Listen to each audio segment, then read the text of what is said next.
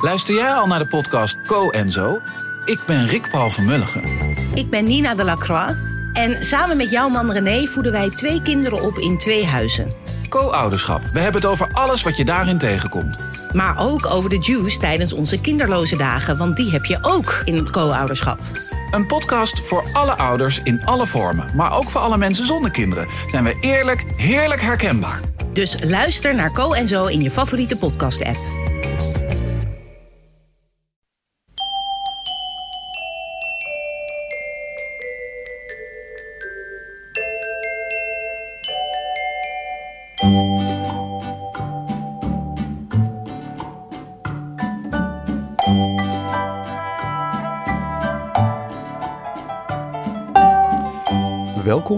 Aflevering 235 van Echt Gebeurd. De podcast waarin waargebeurde verhalen worden verteld door de mensen die ze zelf hebben meegemaakt.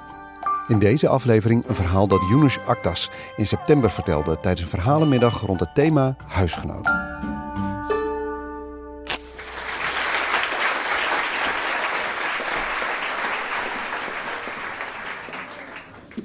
Uh, ik was een jaar of elf toen uh, mijn broer van mijn ouders een uh, PC als cadeau kreeg voor zijn verjaardag. Eigenlijk was het bedoeld uh, voor zijn studie. de PC werd geplaatst in de kamer van mijn broer. Maar mijn ouders vonden het heel belangrijk dat wij, dat wij gingen studeren.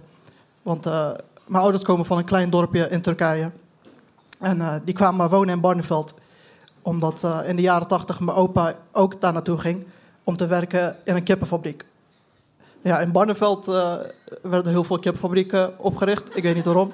Maar daar, daar werd het een heel groot ding. En uh, er kwamen een heleboel Turken daar wonen om te werken in die fabrieken. En mijn ouders waren daar ook een van. Mijn moeder werkte in dezelfde kippenfabriek, mijn pa ook. En ze vond het altijd heel belangrijk dat wij gingen studeren. Vandaar de PC. Ze hadden er hard voor gespaard ook.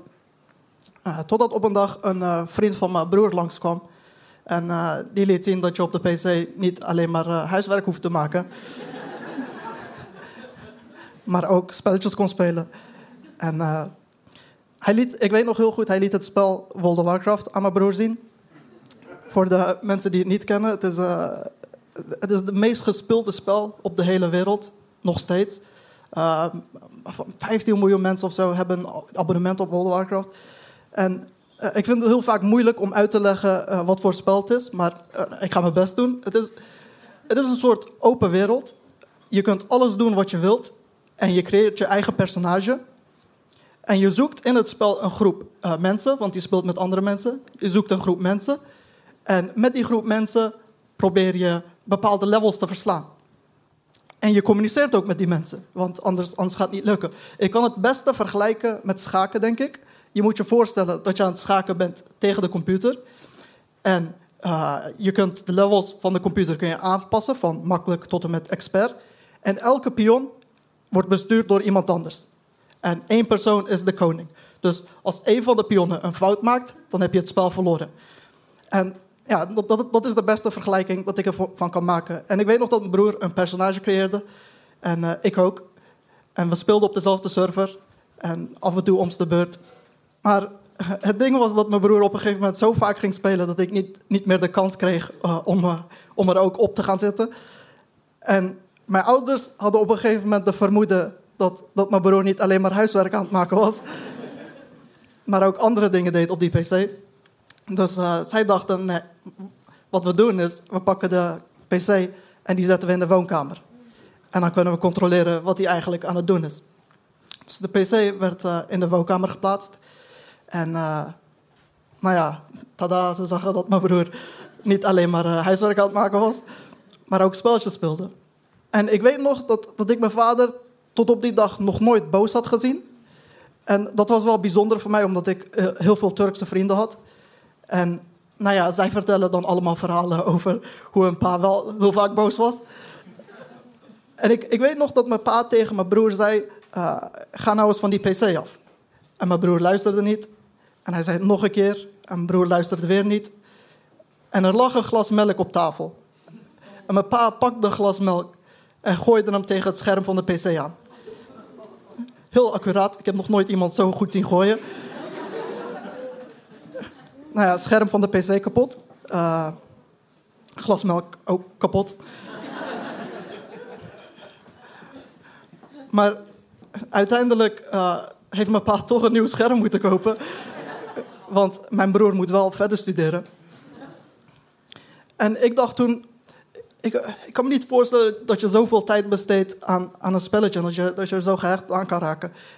En ik dacht, ah, ik heb gewoon vrienden en uh, ik ga naar school. Dus weet je wat, ik, ik hoef het niet te spelen. We hoeven niet meer om de beurt. Doe, gewoon je ding en dan doe ik mijn ding.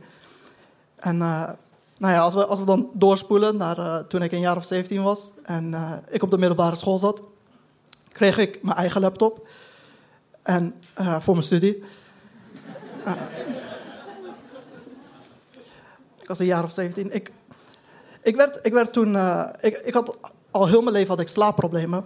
En toen ik 17 was ongeveer, uh, werd er een diagnose gesteld dat ik de ziekte van Crohn had. En voor de mensen die het niet kennen, het is een chronische darmziekte. En ja, nou ja, met de combinatie van slaapproblemen zorgde ervoor dat ik heel vaak thuis was en niet naar buiten ging. Dus toen dacht ik, weet je wat ik doe? Ik ga het spel weer downloaden. En dan ga ik het spelen, kijk, kijken wat er gebeurt. Dus ik open mijn laptop, download het spel. En ik zoek een groepje, want dat is wel uiteindelijk wat je moet doen. Je moet in een bepaalde groep horen om het spel te spelen, want het, is, het gaat om de strategie. En je moet, je moet elkaar wel spreken.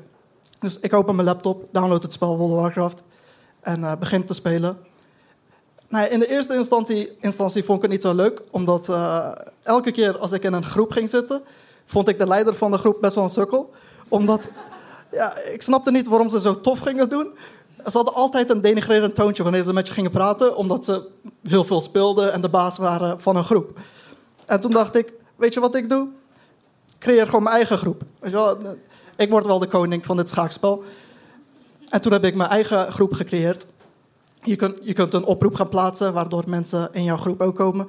En dan speel je misschien niet tegen de moeilijkste, dan begin je gewoon makkelijk. En dan uh, zorg je ervoor dat je steeds moeilijker speelt. En hoe moeilijker het wordt, uh, hoe hoger de reward is of uh, de beloning van wat je krijgt. Ik weet nog dat ik in die periode veel meer Engels sprak dan dat ik Nederlands of Turks sprak, omdat dat wel moest. En als ik dan door ga spoelen naar vijf jaar later, had ik op een gegeven moment van de server waar ik op speelde de beste groep. Een van de beste, tweede beste. En er kwamen zoveel aanmeldingen dat ik een website heb moeten oprichten om de aanmeldingen te sorteren. Duizenden aanmeldingen van mensen van overal in de hele wereld die bij de groep wouden horen om eigenlijk in het spel de moeilijkste niveau af te maken. En uh, er werd op een gegeven moment een schema gemaakt dat we elke dag dezelfde eindbaas op de moeilijkste niveau gingen verslaan. Elke dag. Mensen die gewoon acht uur per dag achter een spelletje zaten. En ik weet nog dat dit op een gegeven moment uh, minder leuk begon te worden voor mij. Omdat het niet meer voelde als een spel, maar uh, als een klus. Het voelde alsof ik aan het werken was in plaats van een spelletje aan het spelen. Ik voelde een bepaalde soort verantwoordelijkheid voor die mensen. Ik raakte langzaam, raakte ik ook mijn vrienden kwijt. Ja, omdat uh, ik liever thuis zat en een spelletje zat te spelen dan dat ik iets met, met hun ging doen. Maar ondertussen had ik wel het gevoel dat ik andere mensen leerde kennen. Ik leerde, ik leerde nieuwe vrienden kennen. Zoals uh, Akim. Akim was een uh, man uit Trinidad. Hij was brandweerman. En ik leerde Enes en Furkan kennen. Enes was tekenaar. Furkan die studeerde nog. Ik leerde Donald kennen. Donald was een Amerikaan. Hij was kok. En Donald had een vrouw. Hij speelde af en toe met zijn vrouw. En zijn vrouw was een kutwijf. Want dan had nog nooit heel lang van zijn kutwijf spelen. Dus af en toe moesten we hem vervangen halverwege. Maar op een gegeven moment, omdat het zo als een klus voor mij voelde, dacht ik... Weet je wat ik doe? Ik zorg ervoor dat iemand anders een beetje van de klussen doet. En ik dacht, Akim, de brandweerman uit Trinidad, kan dit wel voor mij doen. Ik studeerde, ik studeerde op dat moment trouwens juridisch omdat, uh, omdat mijn broer mij de advies gaf om dat te gaan doen. En ik had geen idee wat ik eigenlijk wou doen. Ik wou eigenlijk comedy gaan doen, maar hoe ga je dat aan je Turkse ouders, die helemaal uit een klein dorpje komen, vertellen dat je comedy wil gaan doen? En mijn broer vertelde mij, weet je wat je het beste kunt doen? Juridisch, op uh, nou ja, was het mbo-niveau. En uh, hij, studeerde dat ook, dus hij gaf hem dat als advies. En toen dacht ik, nou, goede tip van hem, dan kan ik ook uh, ja, kan ik wat van hem leren. Alleen later kwam ik erachter dat hij zijn studie niet afmaakte. Hij loog mijn ouders voor dat hij twee jaar lang studeerde, maar dat hij eigenlijk zich al had uitgeschreven omdat hij thuis spelletjes had spelen. Ja. En op een gegeven moment dacht ik, ja, ik, ik zorg ervoor dat die Akim, de brandweerman uit Trinidad, een boel van de werk voor mij voordoet. Dus uh, wat Akim deed was, voordat ik ging inloggen, ging hij de groep verzamelen. Normaal gesproken deed ik dat.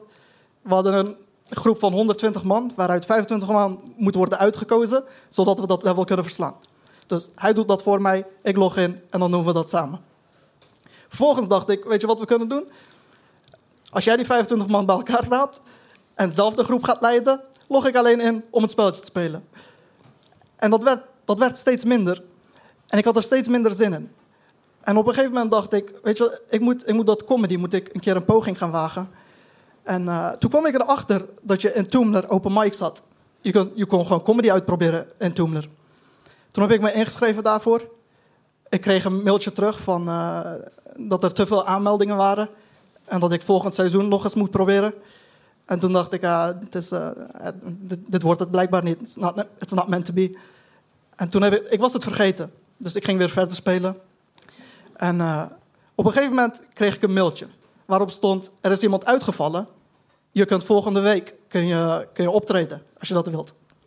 Dus ik dacht, ja, tof, dat gaan we doen. En toen logde ik terug in World of Warcraft. Want we hadden, we hadden een rooster. En volgens het rooster moest je op die tijdstip uh, aanwezig zijn. We spraken elkaar dagelijks en dan voor andere dingen ook. Dus op een gegeven moment kwam ik online en ik zei tegen de jongens: Jongens, ik stop ermee. En iedereen, iedereen was een beetje verbaasd, want we hebben het zo lang samen gespeeld. En ze vroegen mij: Waarom stop je dan? Dus ik zei tegen ze: Nou ja, ik ga, ik ga comedy doen. Ik heb geen zin meer om te spelen. Dus ik geef de leiderschap aan uh, Akim, de brandweerman. En uh, ik stop. Toen ben ik uitgelogd en uh, ik ging comedy uitproberen bij de open mics in Toomler. En dat, dat ging best wel goed. Op een gegeven moment ging het zo goed dat ik, uh, dat ik werd aangenomen als uh, een van de vaste comedians. Ik, ik ging uit huis. Alleen het punt is dat ik dan een paar maanden terug een mail heb gekregen van World of Warcraft. En er stond op dat er van een andere locatie was ingelogd. En ik voelde dat wel omdat ik jaren in het spel had gestoken. Ik speelde het soms acht uur per dag. En dan eh, alleen mijn Engels verbeterd, omdat ik de hele dag Engels aan het praten was. Maar ik, ik, ik weet niet wat het was, maar het, het, voelde alsof ik iets kwijt was. Dus ik ging terug inloggen in het spel. En uh, ik ging kijken naar mijn personages. Uh, mijn namen waren veranderd, dus als ik zou inloggen zou niemand me meer herkennen. En ik vond het ook wel jammer. Maar toen klikte er iets. En ik dacht, ja, weet je wat? Het is wel goed zo. Ik stop ermee. Dank jullie wel.